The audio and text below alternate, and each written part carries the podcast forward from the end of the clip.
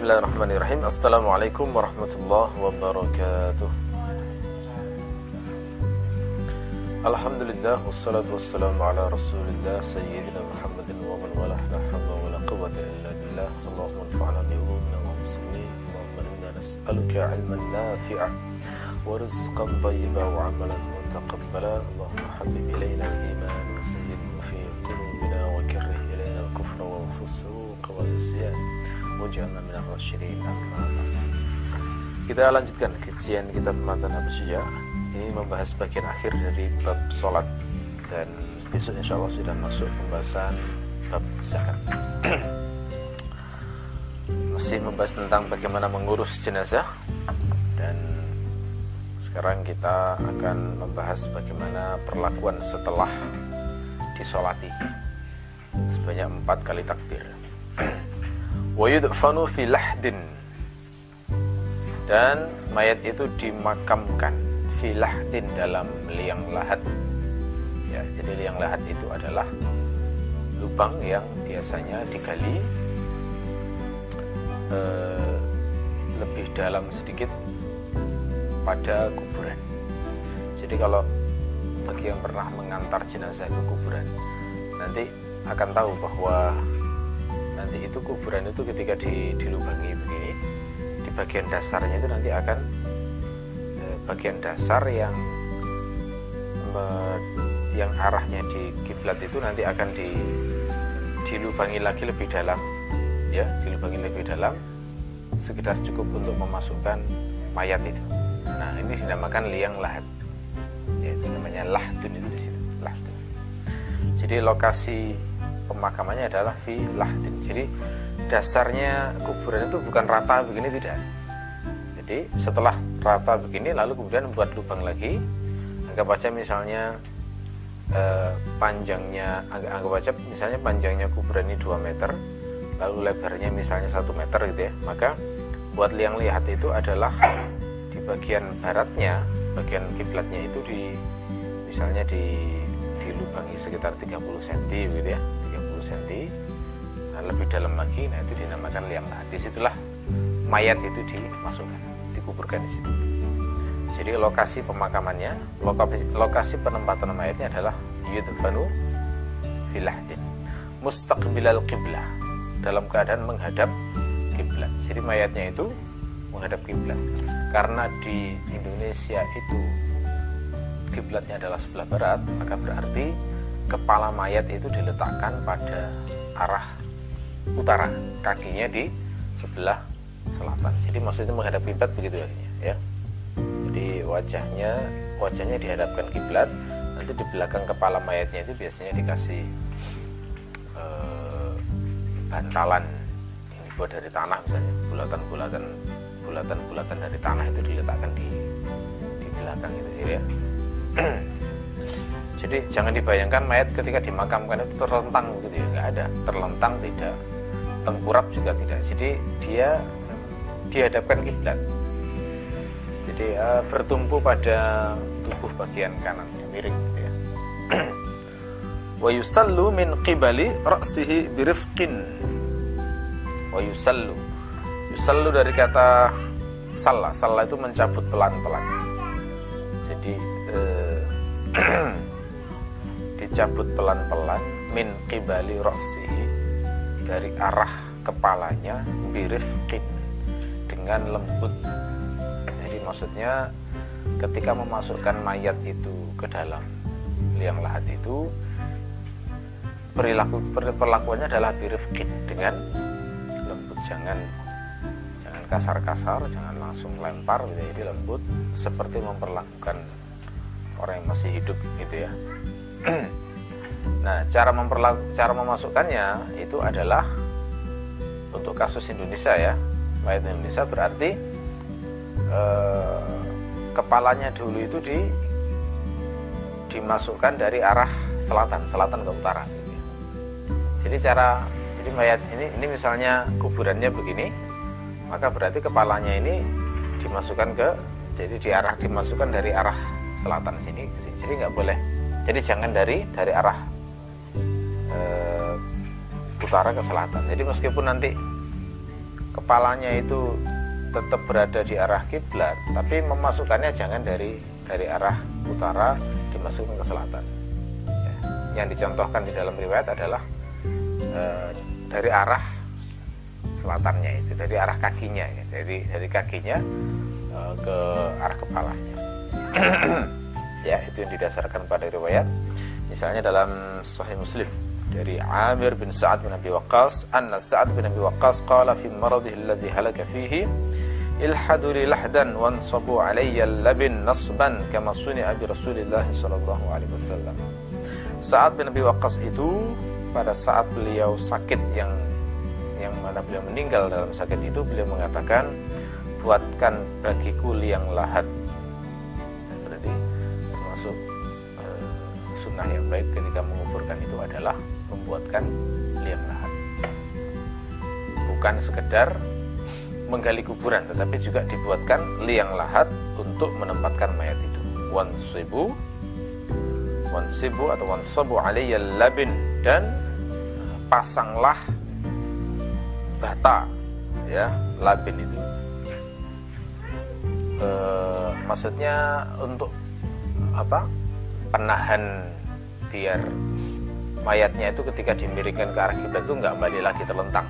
Jadi di, di belakang kepalanya dipasang labin dipasang semacam uh, yang saya ceritakan tadi bulatan-bulatan yang kalau di Indonesia itu dibuat dari tanah. Itu bisa diganti dengan benda lain seperti batu bata atau apa ya. Yang jelas untuk menjaga agar selalu menghadap kiblat. Ya kama sunia bi Rasulillah sallallahu alaihi wasallam sebagaimana diperlakukan pada Rasulullah sallallahu alaihi wasallam. Jadi kuburan Rasulullah itu semacam itu. Rasul saat dimakamkan itu dihadapkan ke arah kiblat, kemudian di belakangnya itu dipasang labin penahan yang membuat beliau itu tidak uh, terlentang jadinya. Dasar lain adalah hadis riwayat Abu Dawud dari Abu Ishaq yang mengatakan Ausa al-Harith an yusalli alaihi Abdullah bin Yazid فصلى عليه ثم أدخله, أدخله القبر من قبل رجلي القبر وقال هذا من السنة Abu Ishaq mengatakan Al Harith berwasiat agar dia itu nanti disolati Abdullah bin Yazid. Maka Abdullah bin Yazid mensolatinya, kemudian dia memasukkan Al Harith itu ke dalam kuburan dari arah kedua kaki kubur dan mengatakan ini adalah bagian dari sunnah. Seperti saya terangkan tadi ya, mayat diletakkan dari arah kaki kubur. Cara memasukkannya dari arah kaki kubur, bukan dari arah kepalanya, ya, dari arah kakinya. Wa yaqulu alladhi dan orang yang e, mengebumikannya ke dalam lahat itu mengatakan yulhid dari kata al-hada di sini maksudnya memasukkan dalam liang lahat Orang yang memasukkan dalam liang, lahat itu mengatakan Bismillah wa ala millati Rasulillah. Jadi cara memasukkan dalam ayat itu adalah sunahnya mengucapkan Bismillah wa ala millati Rasulillah. Maknanya dengan nama Allah dan atas dasar agama Rasulullah Sallallahu. Coba kita baca sama-sama. Bismillah wa ala millati Rasulillah. Bismillah wa ala millati rasulillah. Bismillah. Wa ala millati rasulillah. Sekarang bayangkan mayat di depan antum pegang ya. Lalu kemudian seakan-akan membayangkan diletakkan dalam liang lahat sambil mengucapkan kata-kata ini. Bismillah. Wa ala millati rasulillah sama-sama Bismillah wa ala millati Rasulillah Bismillah wa ala millati Rasulillah digabung Bismillah wa ala millati Rasulillah Bismillah wa ala millati Rasulillah ya. kita tidak tahu kapan bisa jadi suatu saat kita mengantarkan jenazah atau kuburan apa mayat seseorang entah itu tetangga atau siapa begitu. Nah, dari situasi semacam itu ketika berada di bawah kemudian meletakkan mayat itu ke dalam yang lahat sunahnya adalah sebelum diletakkan itu mengucapkan Bismillah wa ala millati Rasulillah dengan nama Allah dan atas dasar agama atau millahnya Rasulullah. Sekali lagi Bismillah wa ala millati Rasulillah. Bismillah wa ala millati Rasulillah. Ya, Bismillah wa ala millati Rasulillah. Bismillah wa ala millati Rasulillah. Apa dasarnya ketentuan ini dasarnya adalah hadis riwayat Abu Dawud dari Ibnu Umar bahwasanya Nabi Shallallahu alaihi wasallam kana idza wada'a al-mayyita fil qabri qala bismillah wa ala sunnati Rasulillah Rasulullah itu jika meletakkan mayat dalam kuburan maka belum mengatakan bismillah wa ala sunnati Rasulillah sallallahu alaihi wasallam. Jadi kalau dalam riwayat Abu Dawud ini lafadznya ala sunnati Rasulillah itu maknanya sama dengan wa ala millati Rasulillah sallallahu alaihi wasallam. Jadi boleh variasinya kita baca bismillah wa ala sunnati Rasulillah atau bismillah wa ala millati Rasulillah. Ya. wa yudja'u fil qabri dan dibaringkan dalam kuburan. Maksudnya mayatnya itu dibaringkan dalam kuburan. Jadi setelah dibawa oleh orang yang memegang mayat itu sambil mengucapkan bismillah wa ala millati rasulillah kemudian diletakkan dibaringkan dibaringkan dengan menghadap kiblat tadi maksudnya. Ba'da an yu'ammaqa qamatan wa basqatan. Ba'sa setelah didalamkan. Yu'ammak dari kata ammaka maknanya mendalamkan. Apanya yang didalamkan? Yang didalamkan adalah kuburannya. Setelah kuburannya itu digali didalamkan sejauh apa? Komatan sejauh orang berdiri ya setinggi orang sedalam orang berdiri. Jadi ukurannya dalamnya kuburan itu yang ideal adalah ketika orang oh, berdiri dalamnya segitu wabas potan dan satu kali bentangan. Potan itu satu, satu kali bentangan tangan. Jadi e, berdiri ditambah satu bentangan tangan ke atas gitu ya. Inilah dalam ideal dari sebuah kuburan. Kalau di kajian-kajian kiai-kiai Jawa itu biasanya nyebutnya sak detek sak pengawi istilahnya.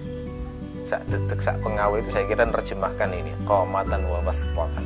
Sak detek dari kata komah itu sak pengawi itu sak pengawi kan ngawi-ngawi ini ya maksudnya sak pengawi tingginya begini. Jadi saya memperkirakan memang tingginya kuburan itu idealnya sekitar 2 meteran ya kira-kira nah itu ya idealnya begitu insya Allah kedalaman semacam ini itu sudah e, membuat mayat itu aman dari gangguan hewan-hewan misalnya. Karena kalau tidak terlalu dalam maka bisa digali oleh hewan-hewan yang e, biasanya memakan bangkai itu. Kalau sedalam itu insya Allah tidak akan e, diganggu lagi ya. Itu kedalaman ideal dari uh, kuburan.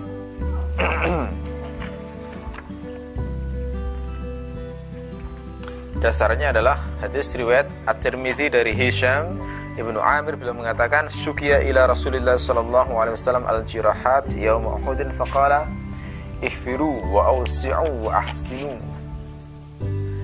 Rasulullah itu diadui tentang jirahat pada hari Uhud. Ya luka-luka atau mungkin ya ini. Beliau mengatakan ikhfiru galilah wa ausiu dan perluaslah wa ahsinu dan uh, berbuat baiklah. Nah, kalau dalam hadis ini memang tidak menyebutkan ukuran detail ya teknisnya. Tetapi Rasul memerintahkan ketika menggali itu perluaslah dan wa ahsinu dan lakukan sebaik-baiknya. Dan ini dipahami oleh para ulama minimal adalah seperti ini.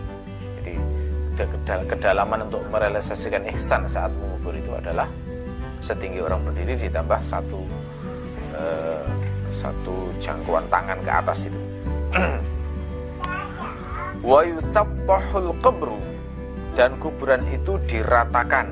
Oh, jadi maksudnya Syafi'i penjelasan Abu Syuja di sini kuburan terbaik itu justru adalah yusattah diratakan ya, seperti di baki itu ya itu malah bagus itu di idealnya di, diratakan yang mana itu didasarkan pada hadis riwayat Muslim dari Abu Al-Hayyaj Al-Asadi. Beliau mengatakan qala li Ali ibn Abi Thalib ala ab'atsu ala ma ala ab'atsuka ala ma ba'athani alaihi Rasulullah sallallahu alaihi wasallam an la tad'a timthalan illa tamastahu wa la qabran musyrifan illa sawaitahu.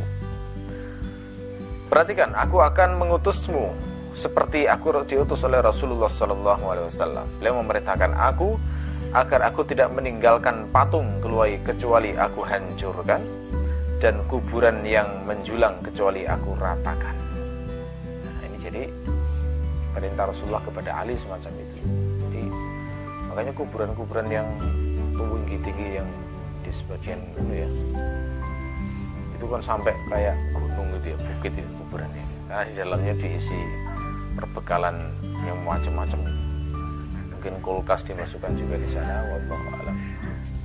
Karena memandangnya memang seperti hanya pindah alam sehingga perlu perbekalan yang cukup untuk pindah alam itu. Ini jelas tidak seperti ajaran Islam. Kalau dalam Islam kuburannya diratakan ya. Diratakan atau dinaikkan sedikit tidak terlalu tinggi itu mungkin masih ditoleransi ya.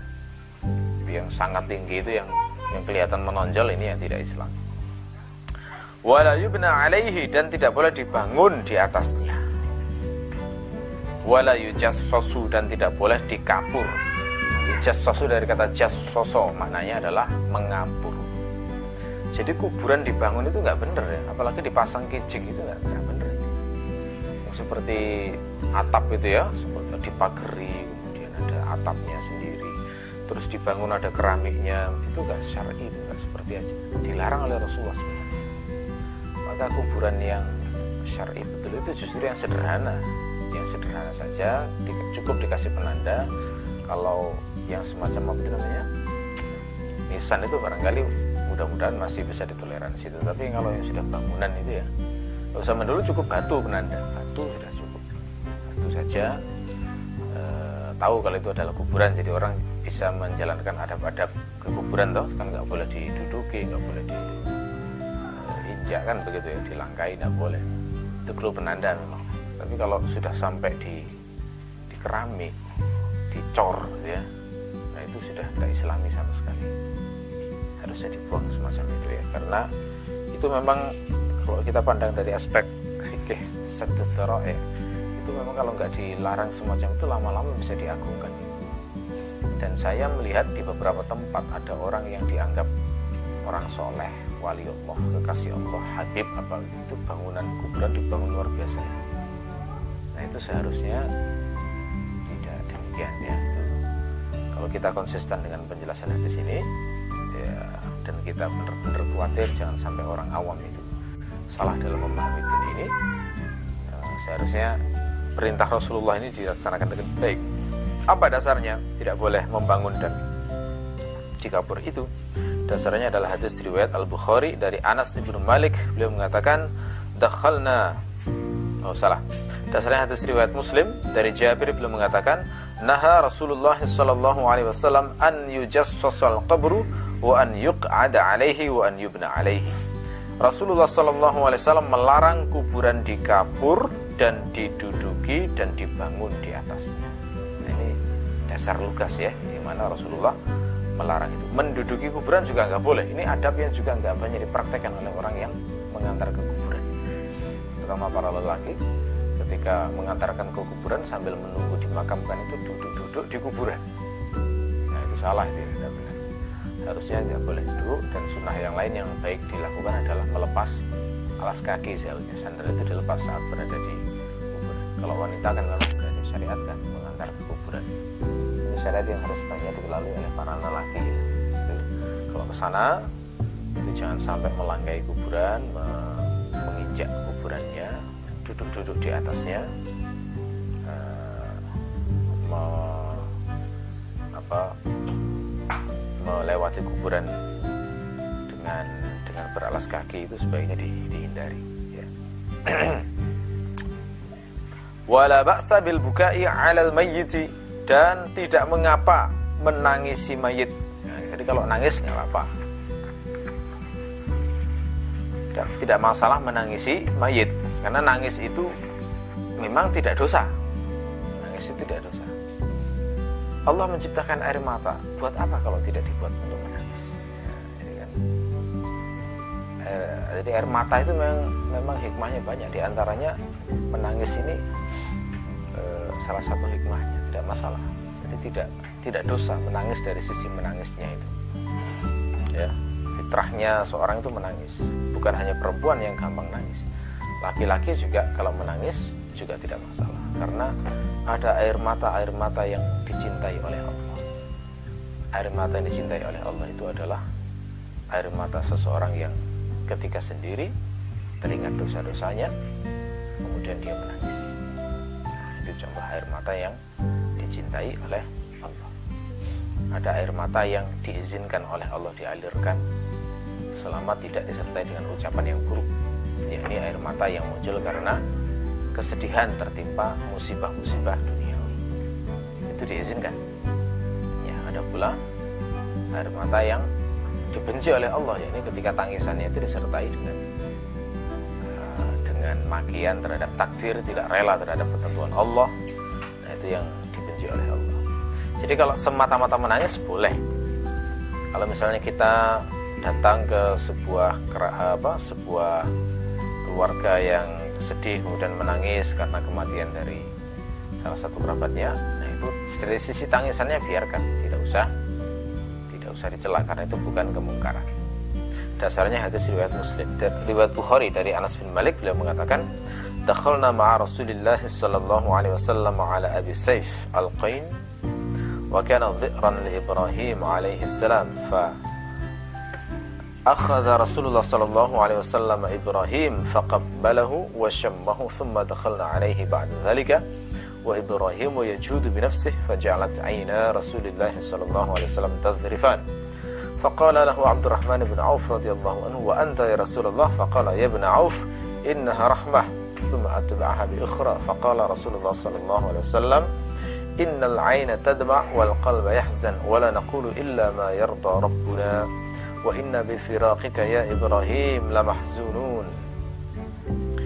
kami masuk bersama Rasulullah sallallahu alaihi wasallam kepada Abu Saif Al-Qain pandai besi. Sementara dia adalah Zikran sesama anak susu untuk Ibrahim alaihi salam atau bisa juga dipahami dia adalah anak susunya Ibrahim alaihissalam. Jadi Rasulullah itu ketika punya anak Ibrahim dari Maria Al-Qibtiyah, itu kan memang beliau menyusukan anaknya itu kepada bukan kepada Maria tapi pada ibu susu gitu ya, pada ibu susu. Maka Rasul mengambil Ibrahim kemudian menciumnya. Jadi ini situasinya Ibrahim sedang sakit menjelang mati. Di saat mau sakit menjelang mati itu diambil Rasulullah kemudian diciumi oleh Rasulullah. Kemudian kami masuk menemui beliau setelah itu sementara Ibrahim sudah sekarat. Ya, sudah yajudu binafsi sudah menjelang sudah menjelang meninggal. Maka mata Rasul kemudian berlinang. Ya, kemudian Abdul Abdurrahman bin Auf bertanya, "Apakah engkau wahai Rasulullah?" Maksudnya, "Apakah engkau menangis wahai Rasulullah?" Jadi kan teringat Rasulullah itu membe, e, pernah melarang gitu ya, ada melarang kesannya itu melarang menangis saat orang meninggal. Sehingga ketika Rasulullah sendiri menangis ditanyakan loh kok menangis engkau wahai Rasulullah? Kata Nabi itu rahmat wahai Abdurrahman wahai Ibnu Auf itu adalah rahmat. Jadi tangisan itu adalah kasih sayang tanda kasih sayang. Ya kemudian beliau melanjutkan lagi tangisannya baru Rasul mengatakan sesungguhnya mata itu bisa mengeluarkan air mata dan hati bisa bersedih dan kami tidak akan mengucapkan kecuali yang membuat Allah itu ridho jadi sebenarnya yang dimarahi Allah itu bukan tangisannya, tetapi ucapannya itu. Ucapannya ketika orang jahiliyah itu mengucapkan, kenapa engkau segera cepat sekali mati? Kenapa segera kau tinggalkan kami? Kepada siapa lagi setelah ini kami berlindung? Ya, itu kata-kata yang buat Allah benci itu yang, yang dinamakan niyaha. Sementara niyaha sendiri secara bahasa maknanya menangis sebenarnya, tapi ternyata ada makna syar'i.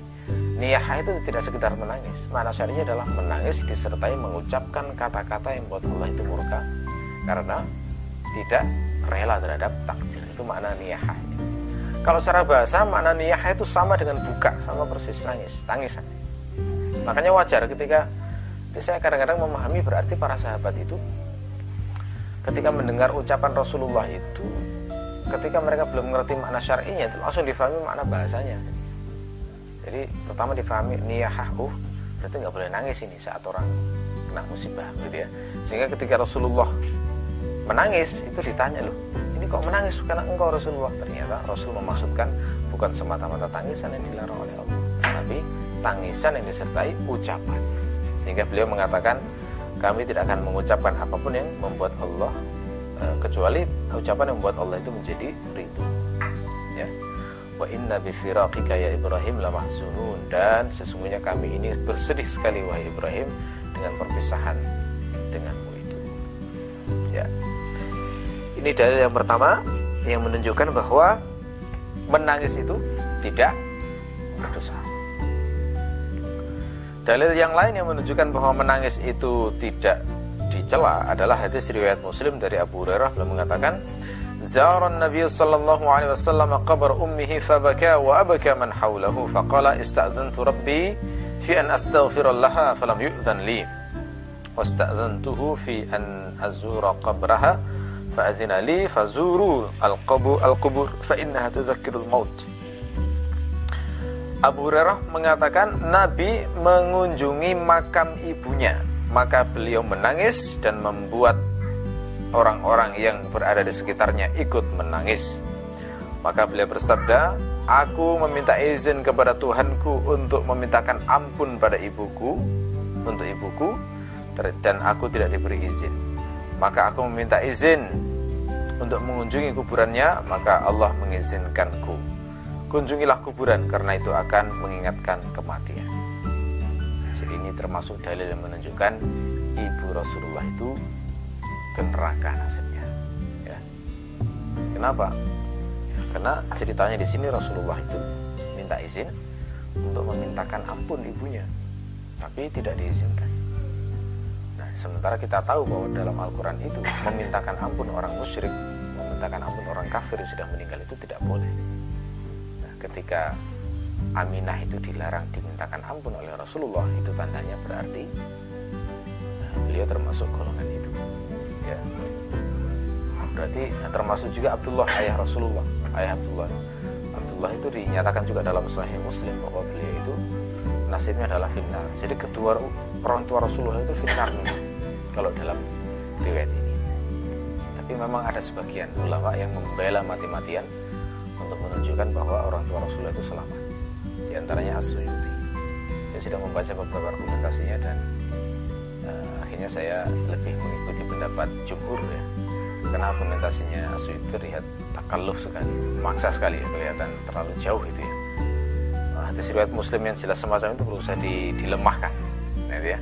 Dan melihat reputasi Asyuyuti yang tasahul sekali dalam menilai hadis ya, dan bagaimana beliau ini ya dalam uh, beberapa kasus itu apa saya melihat fatwa-fatwa fikihnya tidak dibangun atas dasar argumentasi yang kokoh. Maka kalau saya sih masih cenderung pada pendapat yang mengatakan bahwa orang tua Rasulullah itu sebagaimana Abu Talib dan Abdul Muthalib finnar ya. Begitu. Tapi ini ini pembahasan akidah furuk lah istilahnya ya. Tidak usah dibesar-besarkan yang jelas kalau saya sudah milih pendapat tetapi saya tidak tidak terlalu berminat membesar-besarkan urusan ini gitu ya. Jelas dan ini tidak mengurangi kemuliaan Rasulullah sama sekali tidak mengurangi. Kan kadang-kadang argumentasi orang yang mengatakan orang tua Rasulullah selama itu kita dianggap kurang ajar terhadap Rasulullah. Padahal ini pendapat An-Nawawi loh ya. An-Nawawi itu tegas dalam syarah Sahih Muslim itu mengatakan ayah Rasulullah itu di neraka Syafi'i itu padahal ulama Syafi'i yang sangat dihormati. Dan saya kalau milih pendapat fikih Syafi'i ataukah Asyuyuti jelas. An-Nawawi jauh lebih pakar dalam urusan fikih Asyafi'i daripada Syekh Asyuyuti itu adalah jami seorang penghimpun. Daya hafalnya luar biasa. Tapi saya melihat analisis fikihnya lebih tajam An-Nawawi. Nah itu ya kalau saya mentarjihnya atas dasar itu. Ya mengapa memilih pendapatnya Syafi'i apa An-Nawawi. Dan bukan hanya Nawawi ulama yang lain banyak juga yang berpendapat semacam itu ya. nah Rasulullah itu barangkali saking sedihnya nggak bisa menyelamatkan ibunya maka nangis beliau. Dengan tangisan yang mungkin begitu mengharukan sekali sampai seluruh sahabatnya yang di sekelilingnya itu ikut-ikut nangis. Kan bisa ya? Orang nangis kita itu dan ikut nangis itu kan bisa ya karena saking sedihnya orang yang kita lihat menangis itu jadi ini dalil menguatkan bahwa al-buka 'alal mayyit, tangisan pada mayit itu, menangisi mayit itu tidak terlarang dari sisi tangisannya. Min ghairi nauhin, tanpa nauh. Ya, nauh itu niyaha. Sama maknanya dengan niyaha. Nah, ini menunjukkan ada perbedaan berarti istilah buka dan nauh itu. Secara bahasa maknanya sama, tangisan. Tetapi nauh atau niyaha itu punya makna syar'i, yakni tangisan yang disertai dengan ucapan-ucapan yang mungkar gitu ya. Ya kalau kata para ulama nauh itu didefinisikan nangis yang keras sambil meratap-ratap misalnya mengatakan wa khasirah wa sanadah gitu ya. Wa khasirah itu kalau bahasa kita aduh ruginya aduh ruginya. Wa sanadah itu mana aduh sang penyandaku penyanggaku ya. semacam ini masih banyak di masyarakat. Saya waktu di rumah sakit Lamongan di Malang itu di, di Lamongan itu. Rumah sakit di Lamongan rumah sakit Muhammadiyah. Itu uh, pada suatu malam itu sempat me, ini mendengar jeritan kaget saya. Karena ceritanya melengking nangis menggugu-gugu sambil uh, bersandar sambil kayak anak kecil yang nangisan itu ya itu sambil mengucapkan kenapa kok harus mati? gitu ya. Kenapa kok cepat sekali? gitu ya. itu kan tidak rela dengan takdir Allah ya. Nah itulah niyah itu semacam itu yang sebenarnya di dicela keras dalam Islam. Itu ya yang nggak boleh semacam itu. Nah yang kalau semacam ini kita eh, apa itu namanya itu termasuk kemungkaran sudah levelnya bukan lagi hal makruh ya, tapi termasuk kemungkaran. Makanya sebagian sahabat itu tegas sekali kalau terkait dengan kemungkaran semacam ini. Yang pernah saya baca itu pada saat riwayatnya Abu Bakar Siddiq meninggal dunia beberapa wanita yang ada di sana itu menangis sambil nangisnya itu level niyahah. Maka kemudian oleh Umar itu dinasihati jangan kalian lakukan semacam ini karena ini termasuk perkara jahiliyah. Tetap itu dilanjutkan. Akhirnya Umar lebih lanjut ya. Masuk ke dalam ambil cambuk cambuki satu-satu itu perempuan tar tar diam semuanya aja ya. Nah ini ya. Masya Allah keren banget Umar itu ya. Seorang pemimpin yang kalau dalam urusan kemungkaran itu tegasnya luar biasa. Sehingga di zaman Umar itu pemerintahan terbaik gitu ya. Dari sisi ya, penegakan keadilan itu. Ya semua rasyidin baik tetapi dari sisi penegakan keadilan itu Umar ini yang terbaik. Makanya dalam sejarah yang ditulis oleh orang barat negarawan dan politisi terbaik dalam sejarah pemerintahan Islam setelah Nabi Muhammad adalah Umar. Dan saya setuju itu ya. Memang kita butuh pemimpin itu seperti Umar. Yang ketegasannya seperti tegasnya seorang jenderal tapi kasih sayangnya seperti seorang ayah kepada anak-anaknya. Nah, itu bin Khattab dan pemimpin harus punya punya dua ini. Pemimpin nggak bisa hanya sayang dok nggak bisa. Itu akan dimanfaatkan para penjahat untuk apa? E, ngelunjak istilahnya. Ya. jadi pemimpin harus tegas juga. Tegas jadi e, kalau saatnya keras ya keras. Ya, seperti Umar itu. Ada orang yang bertanya tentang ayat-ayat mutasyabihat. Apa makna ar-Rahman alal arsyistawa oh, sudah meniupkan isu itu. Langsung dipanggil ditangkap dicambuk. Campur terus. Sampai orang itu mengatakan sudah sudah amrul sudah sudah hilang. Subhat di kepalaku sudah hilang.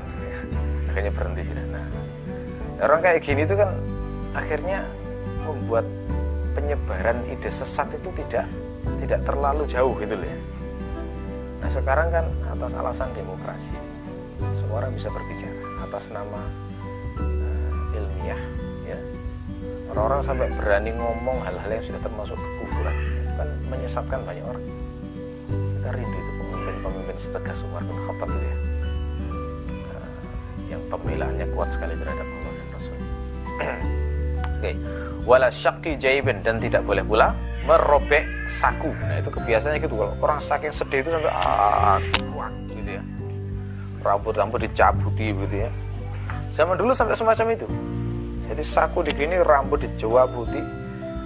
Agar orang dada itu, niyah zaman dulu kayak begitu itu yang sangat dibenci oleh Allah dan Rasulnya ya itu yang nggak boleh nangis silahkan tapi nangis yang wajar ya, nangis biasa sedih sebagai seorang manusia tidak masalah jadi Islam itu mengizinkan sedih, mengizinkan gembira tidak apa-apa. Yang penting jangan terlalu. Gitu ya. Sedihlah oke, okay, tapi jangan terlalu. Gembiralah oke, okay, tapi jangan lebih, jangan terlalu. Siapa yang gembiranya itu terlalu lebih, awas, sebentar lagi akan menangis. Gitu ya. Kalau dia sedihnya terlalu, nah itu juga bisa membuat orang itu mendapatkan musibah-musibah lebih yang buat Allah itu yang murka gitu. gitu. Wa yu'azza ahluhu dan keluarganya itu dihibur. Yu'azza dari kata azza yu'azzi maknanya menghibur. Yu'azza ta'ziyah itu maknanya menghibur. Ya, itu masdarnya. Keluarganya dihibur, ini maksudnya bagi orang yang tidak tertimpa musibah itu disunahkan untuk menghiburnya.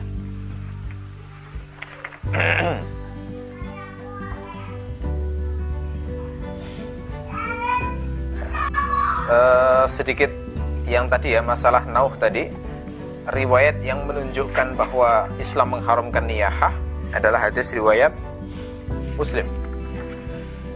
Bahwasanya Nabi mengatakan arbaun fi ummati min amril jahiliyah la yaturkuhunna.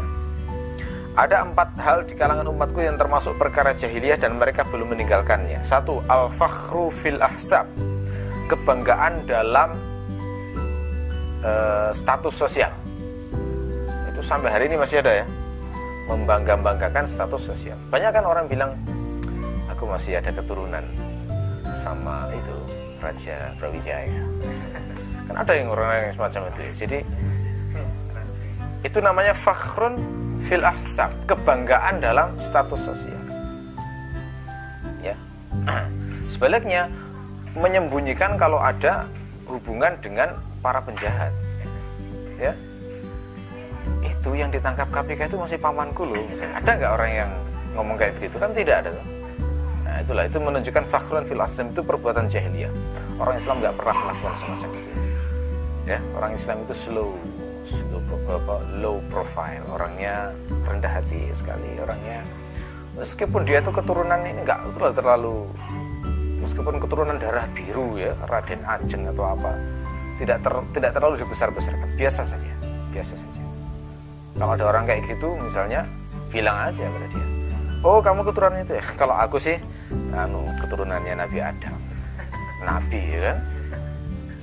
Semuanya sama sebenarnya ya jadi nggak usah dilebih-lebihkan ini termasuk perkara jahil. Yang kedua adalah waton fil ansab. Me mencela dalam nasab. Jadi menjelek-jelekan nasab itu juga bukan perkara syar'i ya. Tidak usah orang itu dihina-hina karena nasabnya. Meskipun dia anaknya seorang pelacur, meskipun dia anaknya seorang kafir, tidak usah dihina-hina. Ingat Nabi Ibrahim itu ayahnya kafir dan beliau adalah orang mulia. Tidak ada alasan mencela orang karena nasabnya karena kelahiran seseorang di mana itu kan takdir Allah. Kan tidak mungkin itu kita uh, apa memprotes hal tersebut. Ya. Jadi nggak usah membangga-banggakan. Termasuk juga misalnya orang terbukti keturunan Rasulullah itu nggak usah membangga-banggakan kemudian menghina selain keturunan Rasulullah sikap terhadap keturunan Rasulullah untuk menghormati itu ada dalilnya syar'i. Tetapi beda dengan sikapnya orang yang merasa keturunan Rasulullah tidak usah merasa membangga-banggakan gitu ya. Kalau dalilnya memerintahkan kita menghormati seluruh keturunan Rasulullah betul gitu ya.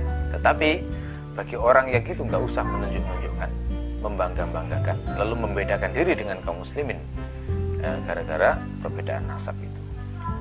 Ya termasuk juga yang termasuk saya kurang setuju adalah ketika uh, orang yang merasa keturunan Rasulullah kemudian uh, atau bukan keturunan Rasulullah yang terjadi di masyarakat itu adalah keturunan Arab tertentu tidak mau menikah kecuali dengan sesama Arab. Nah ini yang betul itu yang diramalkan Rasulullah ini empat perkara yang termasuk perkara jahiliyah yang masih dipraktekkan oleh sebagian umat Islam itu.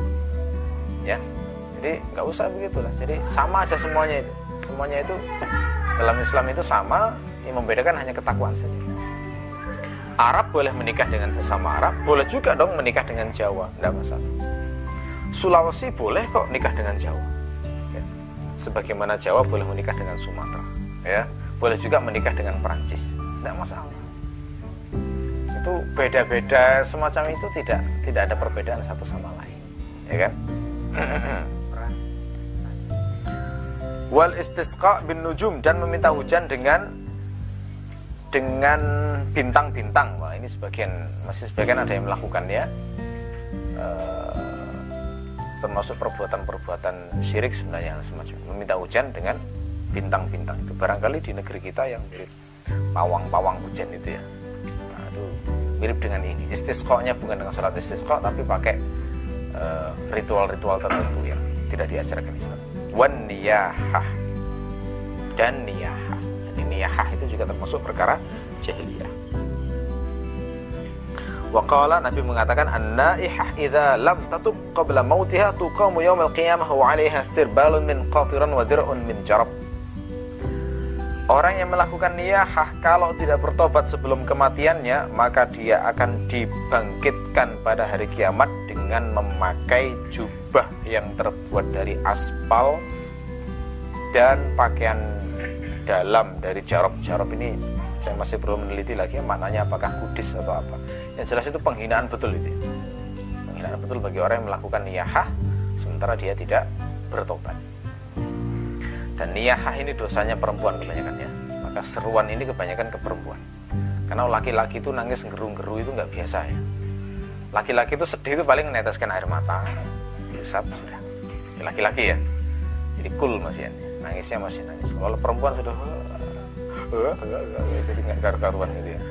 Kadang-kadang lebay terlalu lebay ketika menangis itu. Oke. Baik.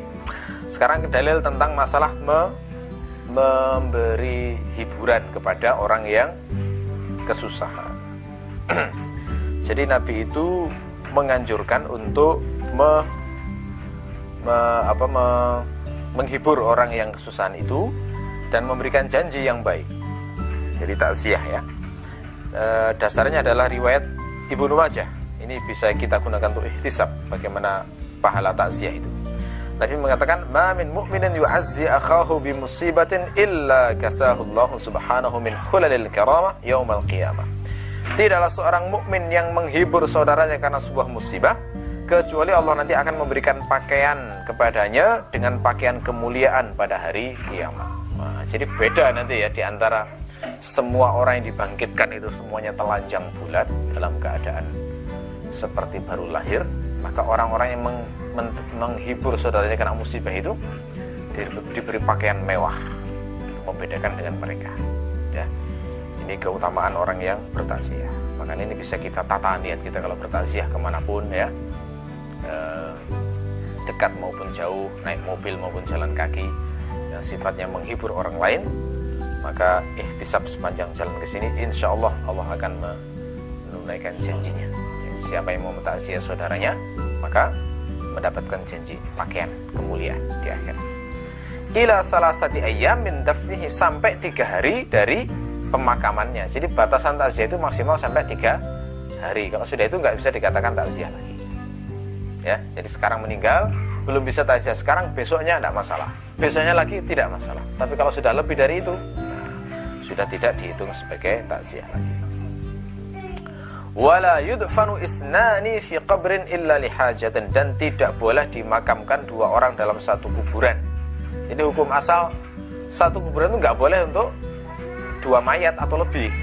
Jadi satu saja hukum asalnya. Karena begitulah cara Rasulullah memakamkan seluruh sahabat-sahabatnya di Baqihul Kharqat itu satu kuburan satu orang ya. Illa lihajatin kecuali karena kebutuhan. Jadi kalau karena karena butuh dan darurat nggak mungkin satu-satu ya boleh lebih dari satu. Misalnya seperti yang terjadi di Aceh itu kan korbannya sampai ratusan ribu. Nah itu kalau digali satu-satu bayangkan berapa berapa abad baru selesai pemakaman itu ya. Kan susah sekali kan? Makanya dibuatkan lubang besar kemudian mayatnya dijadikan satu mungkin cukup disiram mengganti me, gitu ya. Sudah dikubur tidak masalah. Itu lihajatin karena ada hajat. Ya itu dasarnya adalah seperti yang dinyatakan dalam hadis riwayat Bukhari dari Jabir bin Abdullah. Anna Nabi sallallahu alaihi wasallam kana yajma'u bainar rajulaini min qatla Uhudin. Bahwasanya Nabi itu menghimpun dua orang dalam uh, korban perang Uhud. Jadi karena perang Uhud itu lumayan banyak korbannya puluhan di kalangan para sahabat itu. Maka Rasul memakamkan dua orang satu kuburan ya, untuk memudahkan